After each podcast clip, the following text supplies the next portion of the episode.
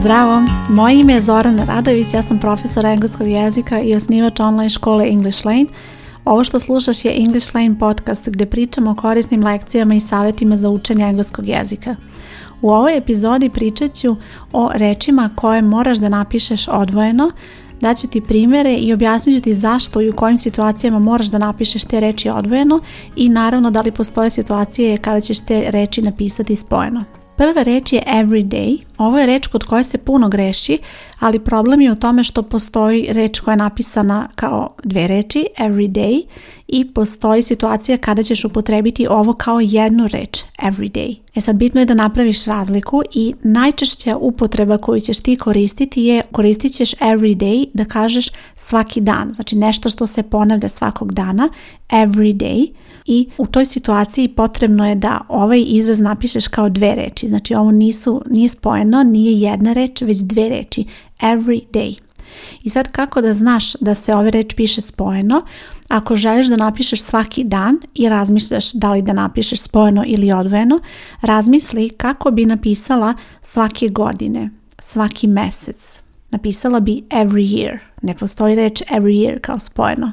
Znači every month, every week. To su uvijek dve reči i na isti način zaključuješ every day, svaki dan mora da budu dve reči i moraš da napišeš ovaj izraz kao dve reči. Upotrebljeno u rečenici to glasi ovako I drink coffee every day. Ja pijem kafu svakog dana. Reč everyday napisana spojeno je pridev koja znači običan, svakodnevni ili uobičajeni i mnogo se ređi koristi, postoje naravno situacije, ali se mnogo ređi koristi i sama činjenica da je ta reč pridev znači da ćeš upotrebiti taj izraz, odnosno tu reč ispred neke imenice, da opišeš kakvo je nešto, da je nešto svakodnevno. The book is about his everyday life. Knjiga je o njegovom svakodnevnom životu.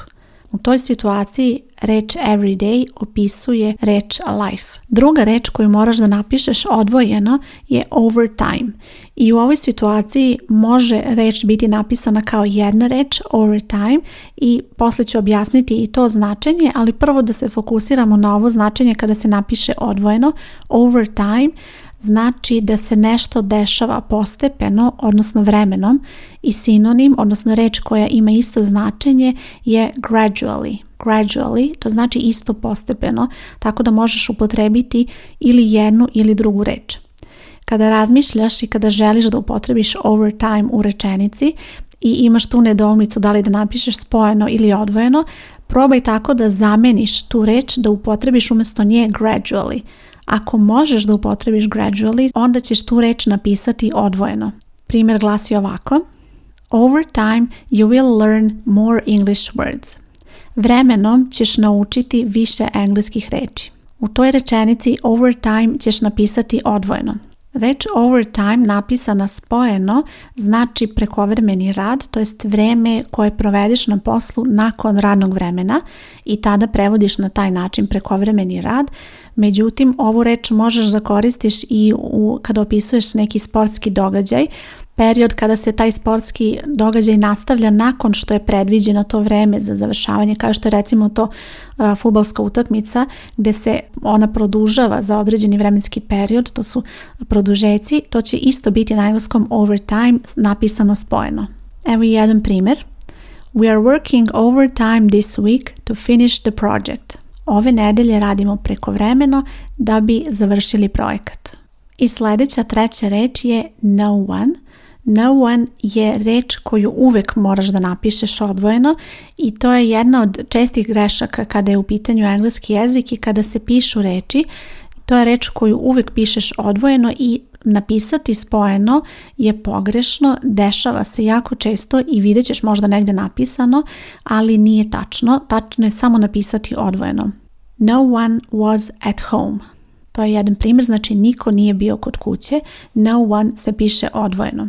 Razlog zašto mnogi misle da se ova reč piše spojeno je zato što imamo reči someone, neko, i everyone, svi.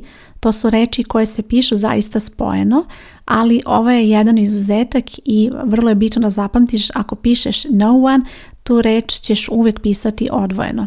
Još jedan razlog zašto dolazi do zabune je zato što imamo i reč nobody, koja znači isto niko, ali koja se piše spojeno i uvijek se piše spojeno. Znači zapamti no one, dvije reči, nobody, jedna reč.